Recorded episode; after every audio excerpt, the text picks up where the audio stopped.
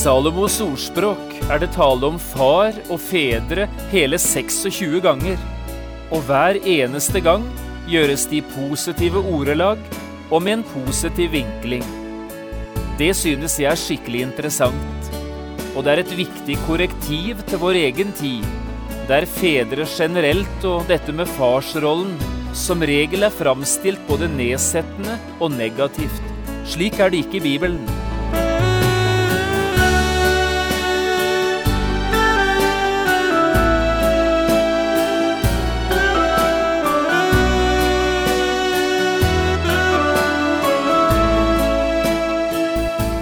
Hjertelig velkommen til et nytt program i serien Vindu mot livet. Programmet er produsert av Kristen Riksradio og blir ledet av Jon Hardang. Kristen Riksradio drives av frivillige gaver. Vi er glade for din støtte.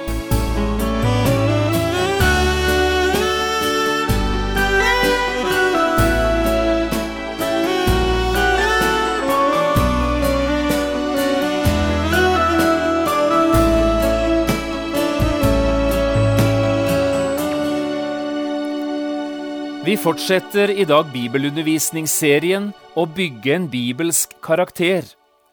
Og vi skal også i dette programmet snakke om det å bygge en slik bibelsk karakter som mann og som far. Vi kommer særlig til å ta fram forskjellige avsnitt fra Salomos ordspråk, og skal nå til å begynne med å lese et slikt avsnitt fra kapittel 4, vers 1-13. Jeg har kalt dagens program Farsrollen. Salomo skriver, Mine barn, hør på en fars tilrettevisning og gi akt, så dere kan lære klokskap. For god lærdom gir jeg dere, mine bud må dere ikke forlate. Da jeg var sønn hjemme hos min far, da jeg var liten og min mors eneste barn, da underviste han meg og sa til meg, La ditt hjerte holde fast ved mine ord, hold mine bud, så skal du leve. Kjøp visdom, kjøp forstand. Glem ikke min munns ord, og vend deg ikke bort fra dem. Forlat ikke visdommen, så skal den vokte deg. Elsk den, så skal den være ditt vern. Viktigst er visdommen.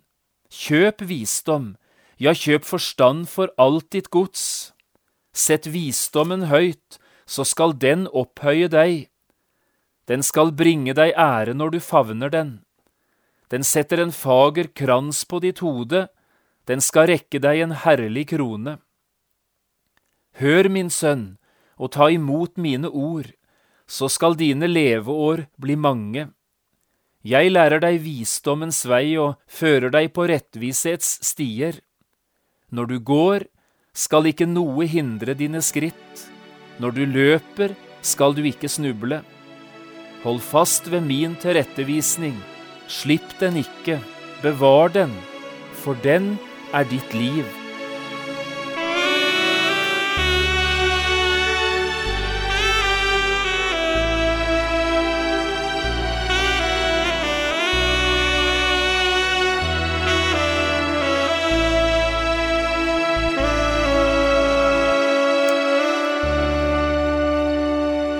Den amerikanske forfatteren Bruce Lockerby skrev en gang en bok som han kalte Father Love, eller Farskjærlighet. Denne boken skulle bli en bestselger i USA. I avslutningsavsnittet forteller forfatteren en enkel, liten historie. Da jeg var elleve år gammel, kjørte familien min fra Toronto til det østlige Ontario i Canada til et område nord for St. Lawrence-elven, der min far var født. Vi kom fram til de to landsbyene Ventnor og Spencerville like før midnatt. Folket som bodde der, hadde nok lagt seg, men far måtte spørre om veien for å finne fram til det gamle huset, der vi skulle tilbringe natten. Litt usikker stoppet han foran et lite, mørklagt hus og banket på døren. Etter å ha ventet nokså lenge kom utelyset på, og en eldre mann åpnet døren.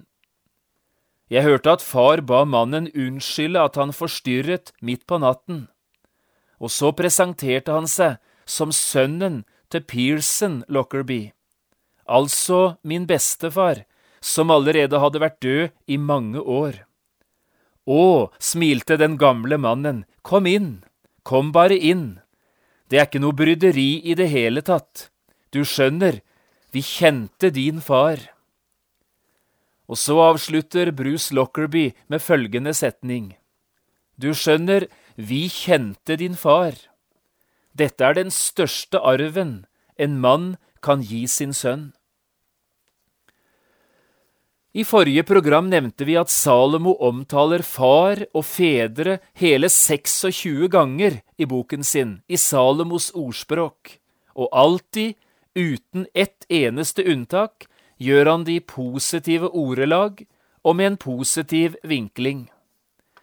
Det synes jeg er skikkelig interessant, og det er et viktig korrektiv til vår egen tid, der både fedre generelt og dette med farsrollen ofte blir framstilt nedsettende og negativt.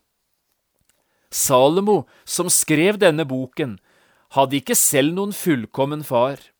Kong Davids livshistorie, det er historien om en mann som både feiler og faller. Og likevel skriver Salomo som han gjør. Kanskje er det et signal om at barn ser etter helt andre ting i fars liv enn fullkommenhet og det å være perfekt. Det er helt andre livskvaliteter enn steril syndfrihet som skal til om en far skal fylle rollen sin nettopp som far.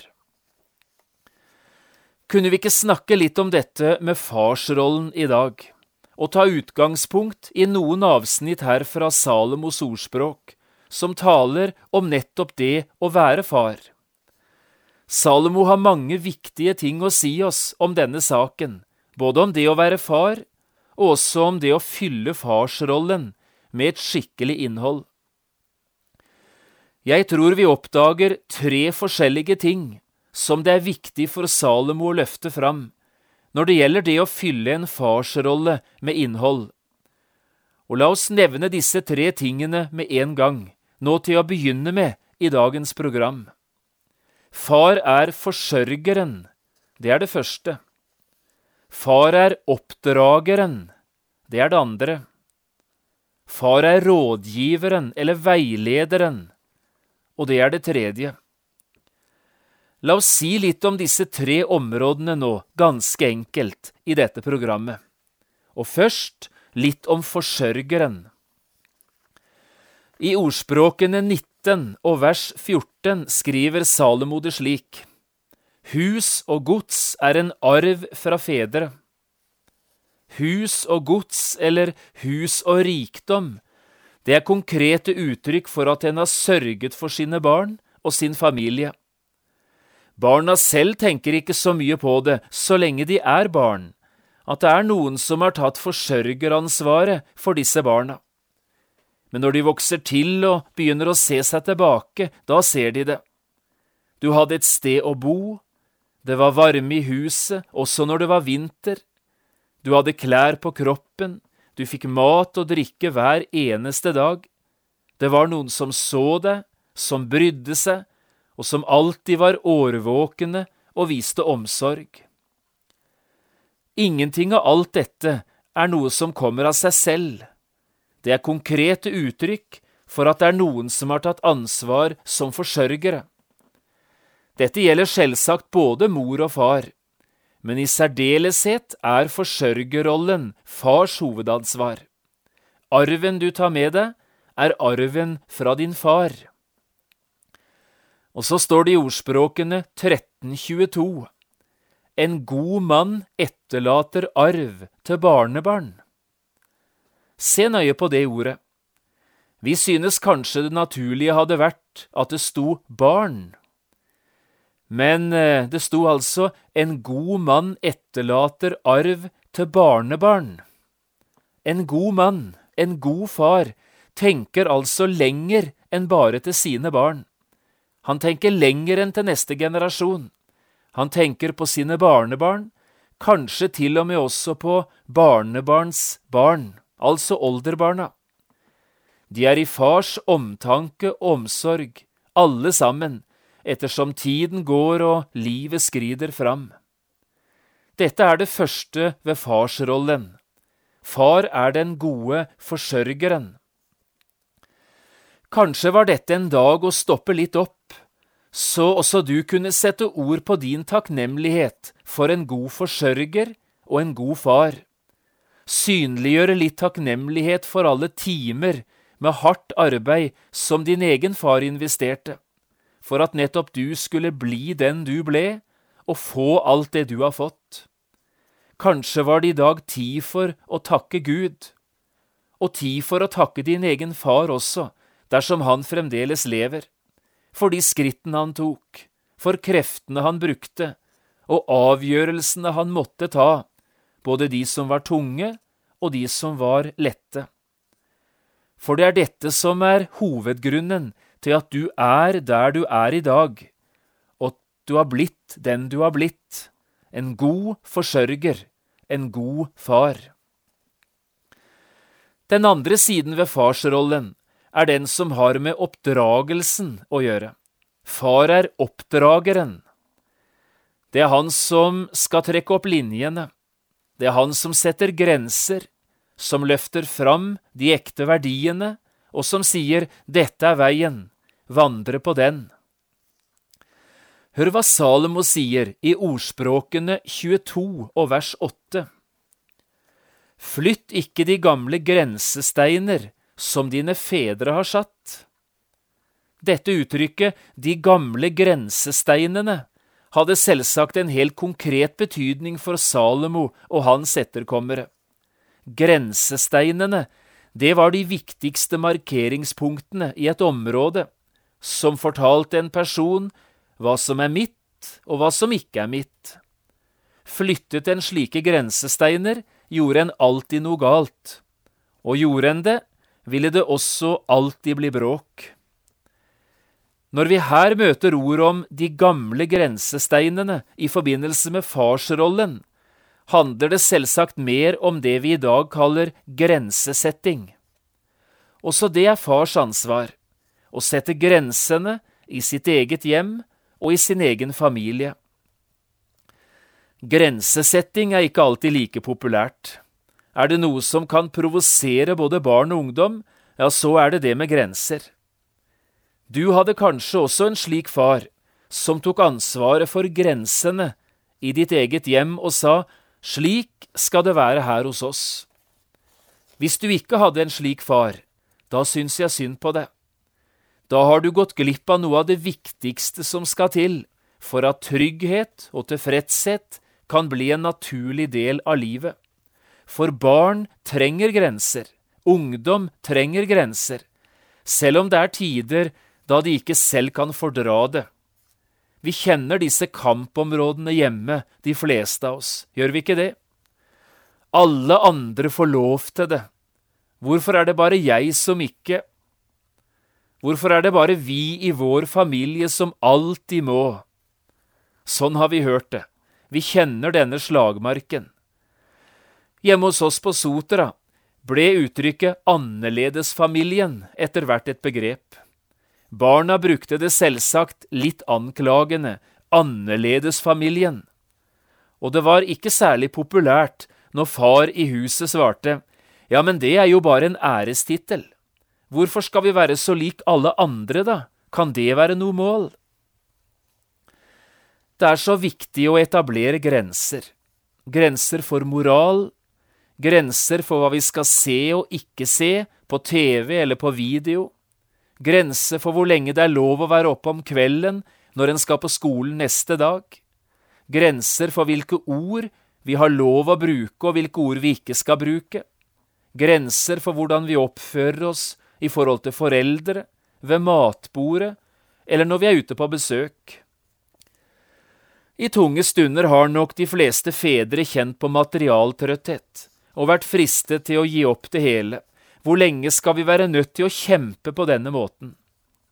Men den dagen barna setter ord på sin takknemlighet, ikke minst for grensene, da forstår en far det at det var verdt kampen.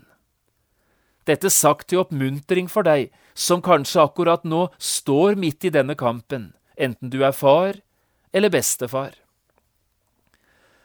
Og så har vi sikkert feilet noen hver av oss, enten ved at vi var for strikte, eller kanskje for ettergivende. Jeg tror faktisk det er syndet mer på ettergivelsens område enn på strenghetens arena, jeg vet ikke hva du syns. Men eh, når en far feiler, hva da? Ja, for det er jo ikke bare barn eller ungdom som kan tråkke over grensene og forgå seg. Det kan sannelig også en far gjøre. Hva gjør du da? Du må ikke la noen innbille deg at du mister din autoritet som far om du innrømmer dine egne feil. La ingen få lure deg til å tro at du svekker farsrollen om du må gå til et av barna dine med erkjennelse av et feiltrinn og kanskje med bønn om tilgivelse. Jeg kan selv enda huske en kveld hjemme på Notodden, da far, da min far, kom opp på soverommet etter at jeg hadde lagt meg, og så ba han meg om unnskyldning fordi han ikke hadde oppført seg slik han skulle. Jeg tror jeg kan gjengi det ordrett den dag i dag, det far sa. Men tror du jeg mistet respekten for han på grunn av dette?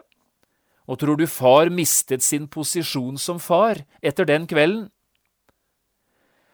Det viktigste oppdrageren gjør, er nemlig ikke å hamre inn alle slags regler og normer med ord.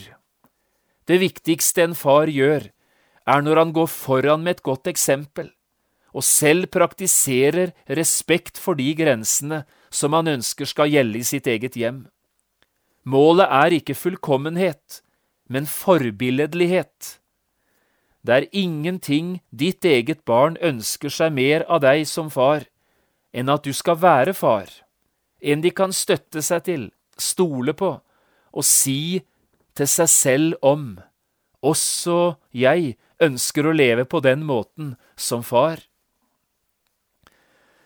I forlengelsen av dette er det også et tredje område vi må si noen ord om. Det er fars rolle som rådgiver. La oss lese litt også om det fra et par-tre steder i Salomos ordspråk. Først litt fra kapittel 1, vers 8 og 9. Der står det slik:" Hør, min sønn, på din fars tilrettevisning, og forlat ikke din mors lære for de er en fager krans for ditt hode og kjeder om din hals.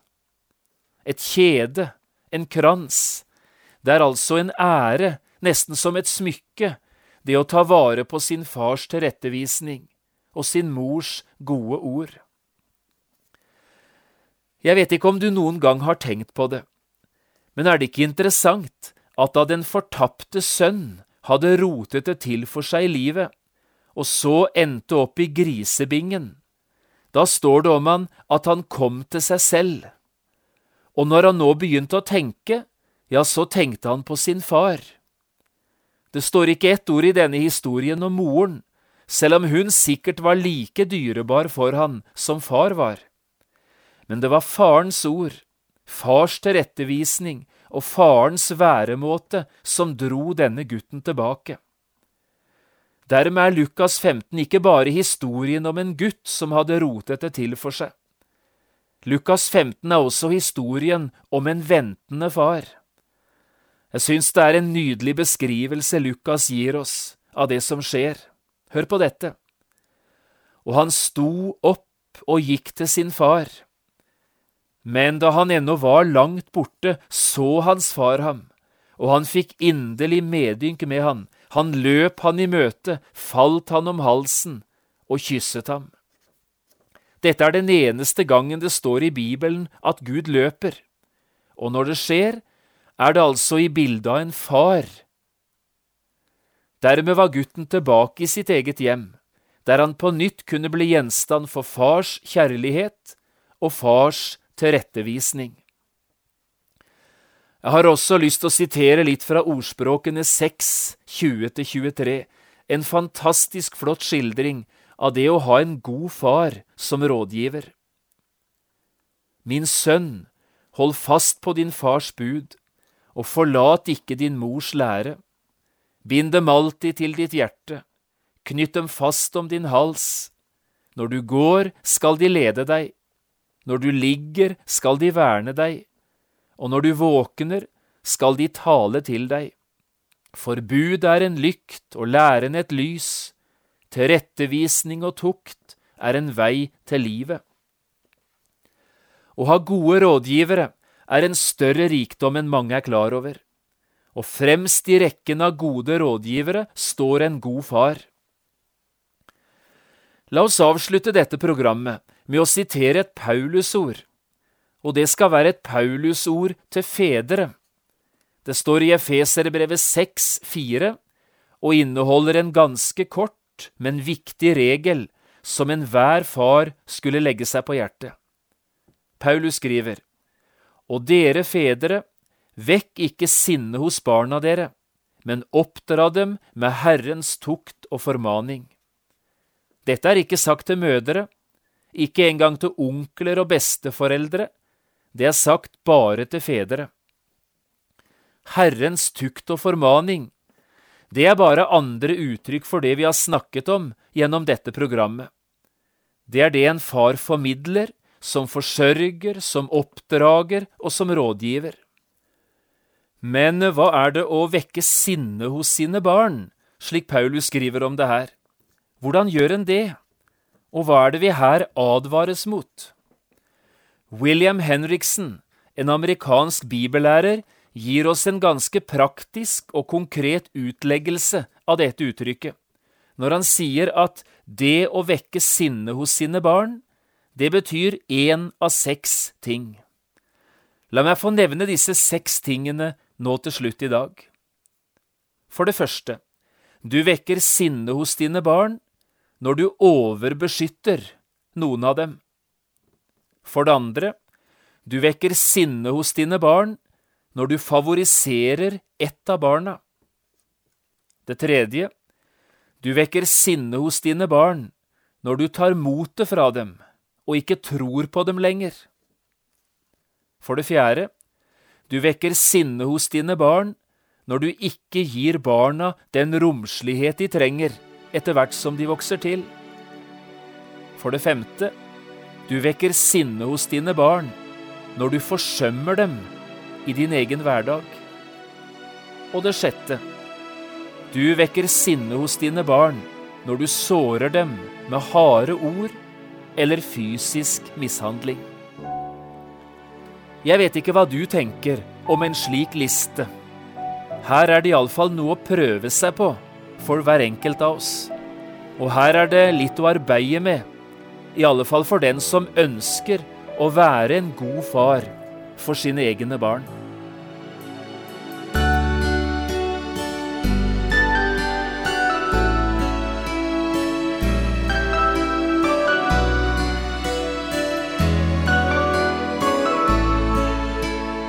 Du har hørt på et program fra serien Vindu mot livet med John Hardang. Programmene i denne serien kan også kjøpes på CD fra P7 Kristen Riksradio, eller høres på internett på p7.no.